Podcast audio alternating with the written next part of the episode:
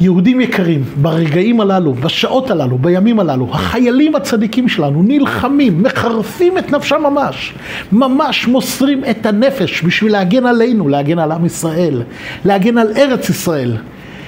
קשה לבטא, אי אפשר לבטא את המעלה העצומה של אלה שזוכים למסור את הנפש על עם ישראל.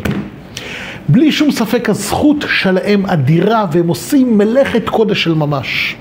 אבל היום, יהודים יקרים, אני רוצה קצת לעמוד על זה שאנחנו גם חייבים לעזור להם. אנחנו חייבים גם להשתתף במלחמה הזאת. מה פירוש להשתתף במלחמה? אנחנו חייבים, עם ישראל כשהוא מנהל מלחמה, הוא מנהל את זה בשתי מישורים. מישור גשמי ומישור רוחני.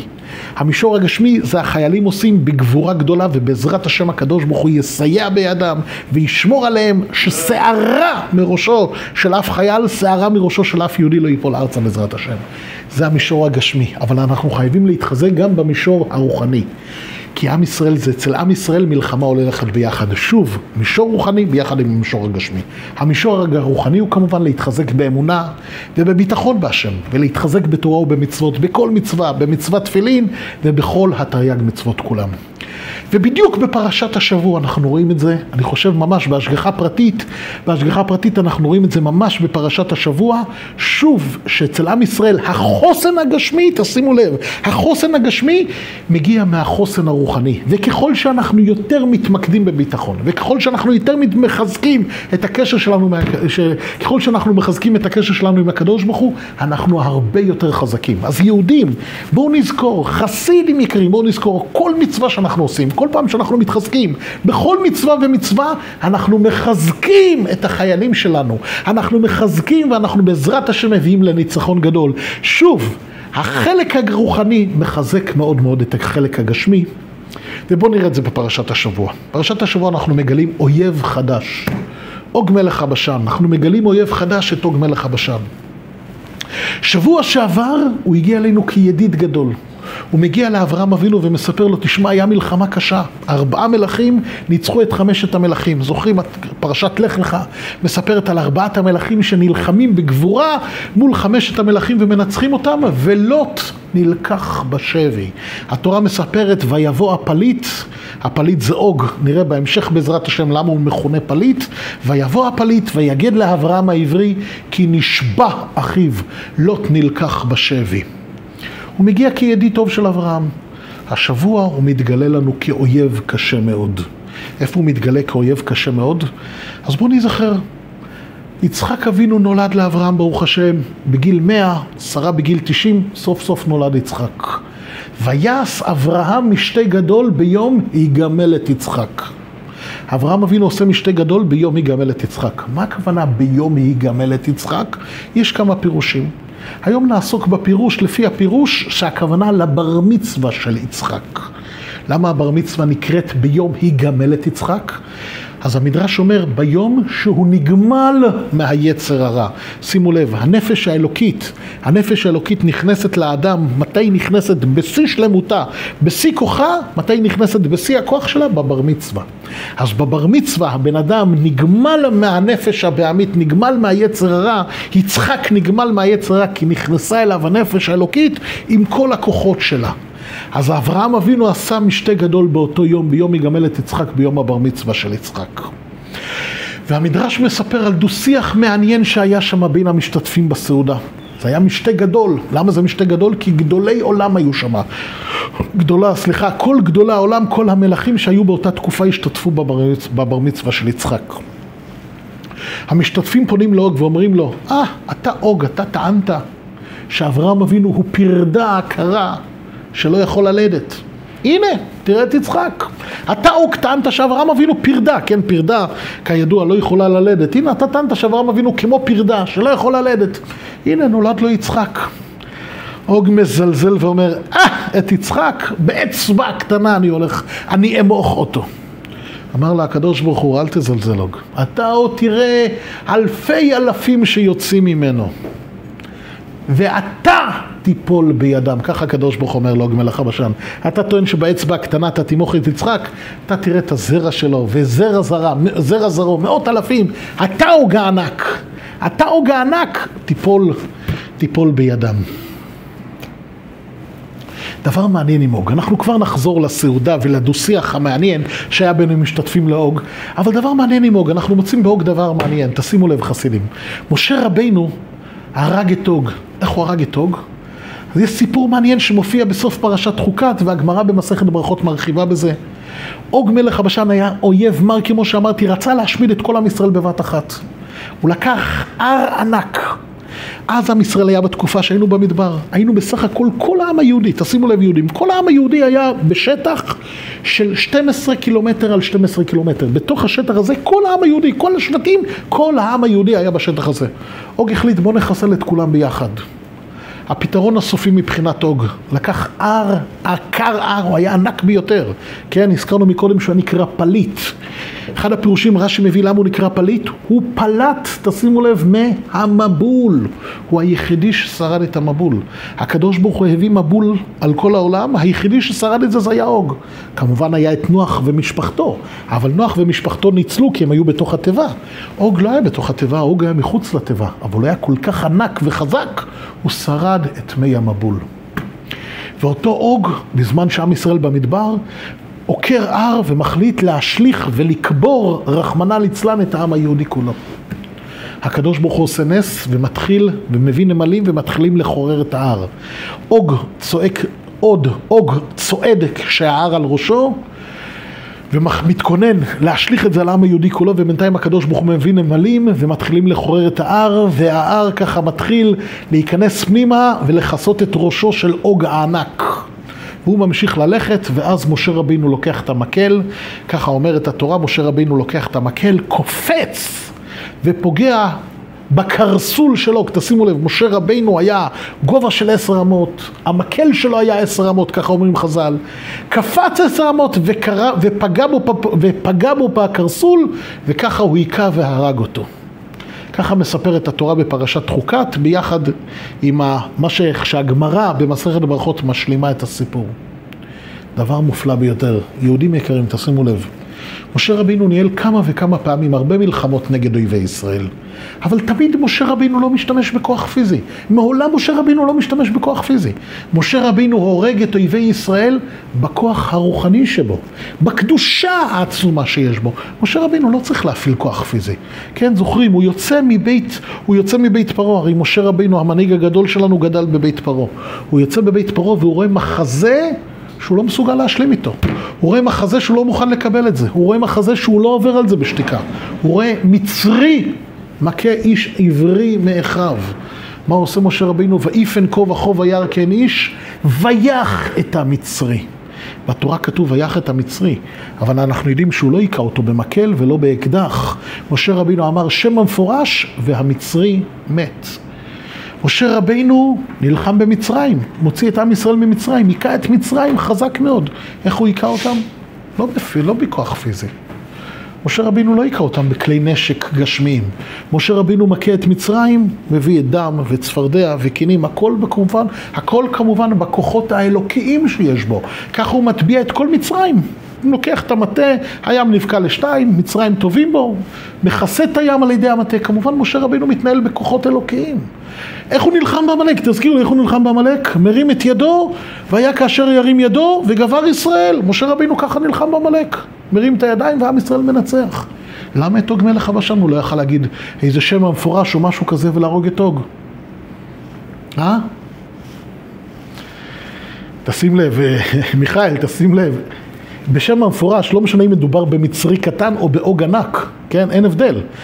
מי שהורג בשם המפורש, אין אצלו, אצל השם של שמו של הקדוש ברוך הוא, זה לא משנה הגודל של האדם, אם משה רבינו היכה את המצרי, ודאי שבשם המפורש הוא יכל להרוג גם את אוג הענק.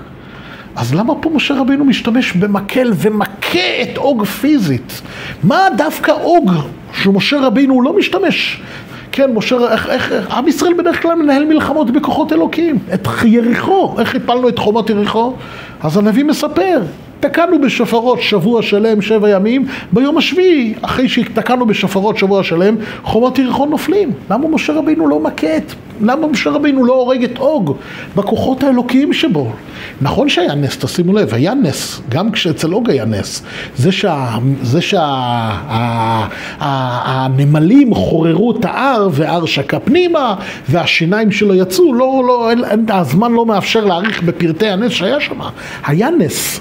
אבל ההכאה תכלס, משה רבינו היכה את אוג פיזית, נתן לו מכה, נתן לו מכה במקל והרג אותו.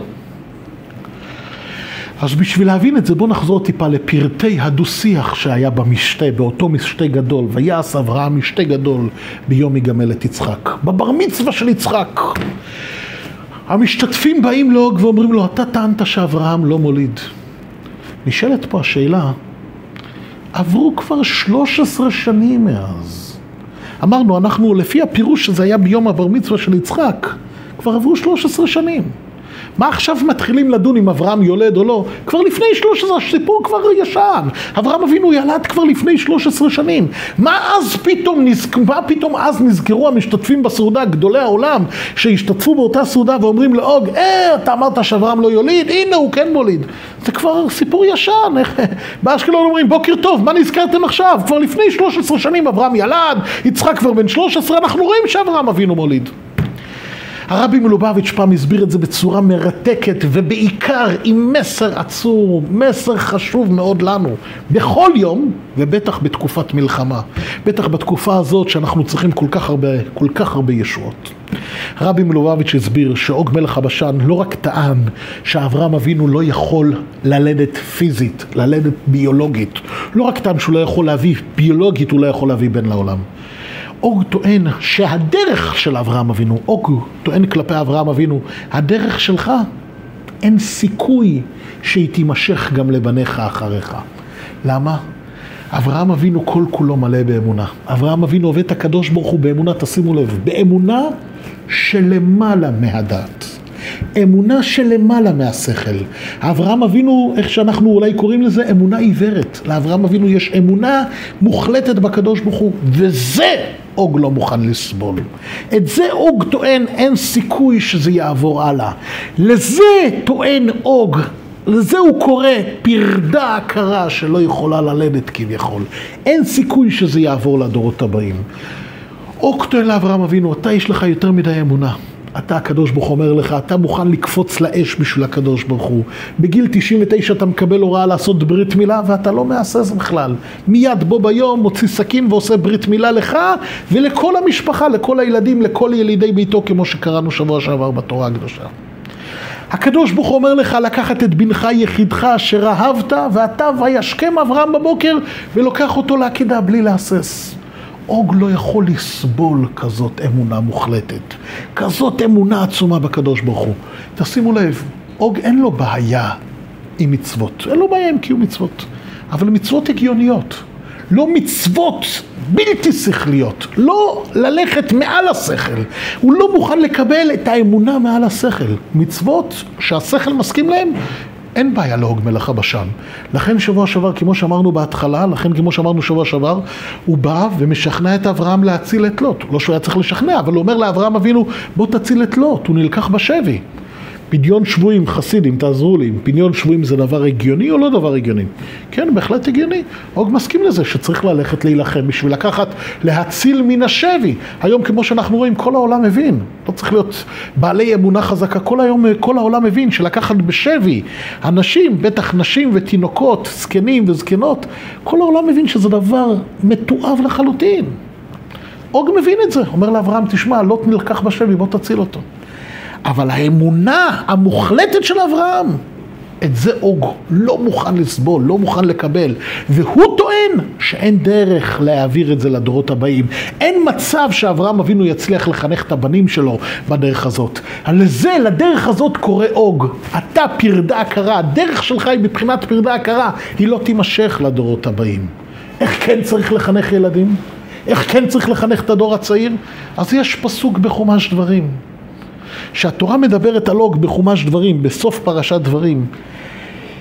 הנה ארסו, זוכרים את הפסוק הזה? הנה ארסו ארס ברזל ברבת בני עמון, תשע אמות אורכה באמת איש. זוכרים את הפסוק הזה? אז דבר מעניין, שמתי לב שאת הפסוק שקוראים בתקופה של החופש הגדול, את הפסוקים, את הפרשות שקוראים בתקופה של החופש הגדול, אז פחות זוכרים, אבל יש פסוק בסוף פרשת דברים. התורה מתארת את לוג ואומרת, ארסו ארס ברזל. לא ניכנס לכל אריכות הדברים שם, הרבי מלובביץ' פעם הסביר את זה בעבודת השם בצורה מאוד מעניינת. אוג טוען, ארסו, יש תינוק בעריסה, צריך לחנך אותו, צריך ללמד אותו. מה תלמד אותו? ארסו ארס ברזל, תחנך אותו באופן של ברזל, תחנך אותו על ערכים של ברזל, תחנך אותו על חוזק גשמי ופיזי בלבד, בלי אמונה בהשם.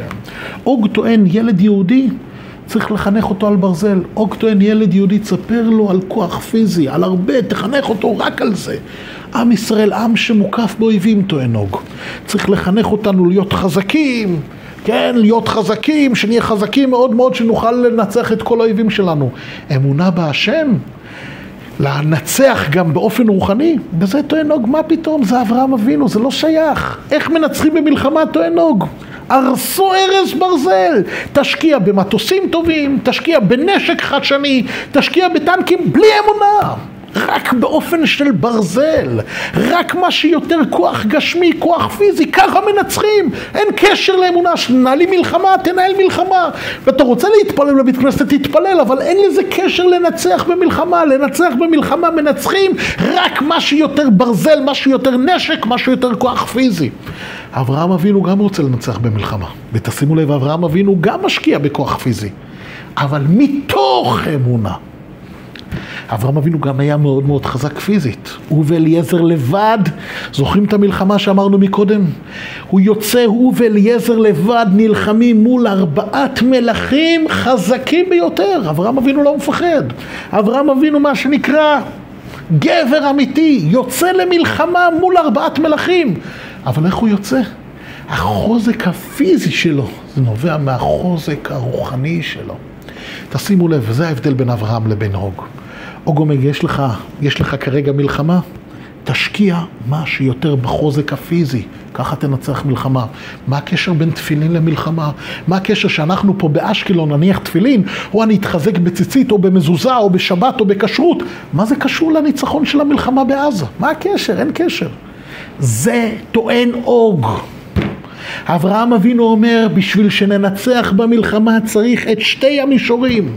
כמובן שצריך לפעול בצורה גשמית, וצריך לפעול חזק, ולהשתדל שיהיה לנו את הנשק המשוכלל והטוב ביותר, אבל זה חייב, כל זה חייב להיות מתוך אמונה, וככה ננצח במלחמה. לכן אומר הקדוש ברוך הוא לאוג, אוג לעג לדרך של אברהם. הוא אומר, אה, אני באצבע קטנה מועך את יצחק. אמר הקדוש ברוך הוא לאוג, אתה עוד תיפול בידי זרעו של אברהם ויצחק. ותשים לב, כמו שהזכרנו מקודם, איך משה רבינו הורג אותו? היחידי שמשה רבינו הורג אותו בצורה פיזית, היחידי מאויבי ישראל שמשה רבינו נלחם בו בצורה פיזית, מכה אותו פשוט פיזית, לוקח מקל ומכה אותו, לא כמו המצרי. את המצרי בשם המפורש, את עמלק הוא מרים את הידיים, כן? משה רבינו פעם יחידה שמפעיל כוח פיזי ומנצח את אויבי ישראל. כי את אוג מלך, אוג מלך הוא לא מדבר בשפה שלנו. השפה שלנו היא שפה קדושה. משה רבינו יכל לנצח אותו בשפה שלו, אבל משה רבינו רוצה להגיד לו, אתה אוג מלך אנחנו מדברים איתך בשפה שלך. אנחנו ננצח אותך בשפה שלך, מה שנקרא. נראה לך שגם הכוח הפיזי, כשהוא מגיע מתוך אמונה, הוא הרבה יותר חזק. כשהכוח הפיזי נובע מאמונה, הוא הרבה יותר עוצמתי, יהודים יקרים. עוג מלך הבשן היה ענק ביותר, תשימו לב יהודים, עוג מלך הבשן היה ענק ביותר. הוא היחידי ששרד את המבול, אתם יודעים מה פירוש שרד את המבול? היה ענק כל כך ששרד את המבול. הוא חשב שהוא איזה בלתי מנוצח. אותו טיפש חשב שכביכול הקדוש ברוך אפילו לא יהיה נכון לנצח אותו. הנה, הוא שרד את המבול, הקדוש ברוך הוא רצה להשמיד את כל האנושות, אוג שורד במבול. הוא היה חשב שהוא בלתי מנוצח, אפילו רחמנא ליצלן, אפילו, אפילו הקדוש ברוך הוא כביכול לנצח אותו, ככה הוא חשב. משה רבינו הראה לו, אנחנו ננצח אותך לא ברובד הרוחני, אנחנו ננצח אותך ברובד הגשמי. שוב, יהודים, בוא נזכור, ככל שהחוזק הגשמי נובע מתוך אמונה, הוא הרבה יותר עוצמתי, הרבה הרבה יותר חזק. לכן הרבי מלובביץ', תמיד בכאלה תקופות, קרא לחזק את עם ישראל בשתי המובנים, בשתי, בשתי המישורים. הרבי מצד אחד רצה צבא חזק מאוד, הרבי טען שאסור להיכנע בשום אופן בשום, בפני אויבי ישראל, אסור להתפשר איתם. צריך להראות להם חוזק, לדבר איתם בשפה שלהם. הרבי כל כך כאב לו, כל כך כאב לרבי שמתרפסים בפני האויב, כל כך כאב לרבי שאנחנו מגלשים, מגלים חולשה כלפם. הרבי רצה צבא חזק, הרבי רצה שמדינת ישראל בשום אופן לא תתפשר על כלום, על אף שעל, לא, לא לדבר איתם אפילו על, על נסיגות וכאלה דברים. הרבי טען שאנחנו צריכים לגלות חוזק פיזי כלפם, אבל כמובן, כמובן, כמובן, כמה הרבי דיבר להתחזק ב, ב, ב, ב, ב, בתורה ובמצוות, כמו שהזכרתי במצוות תפילין, הרבי אמר שלמצוות תפילין יש סגולה מיוחדת להטיל פחד על אויבי ישראל. אוג חשב אחרת, אוג טען שאין קשר בין התפילין באשקלון או בקריית גת או במטולה לבין ניצחון בעזה. אברהם אבינו, משה רבינו, והרבי גילו לנו שההפך הוא הנכון. ככל שאנחנו יותר מתחזקים בתורה ובמצוות, החוזק הפיזי שלנו הרבה יותר חזק. את אוג ניצחנו בכוח פיזי. כי כשזה נובע מתוך אמונה, אז אנחנו יותר חזקים, אפילו מול אויב ענק וחזק כמו אוג. תודה רבה יהודים.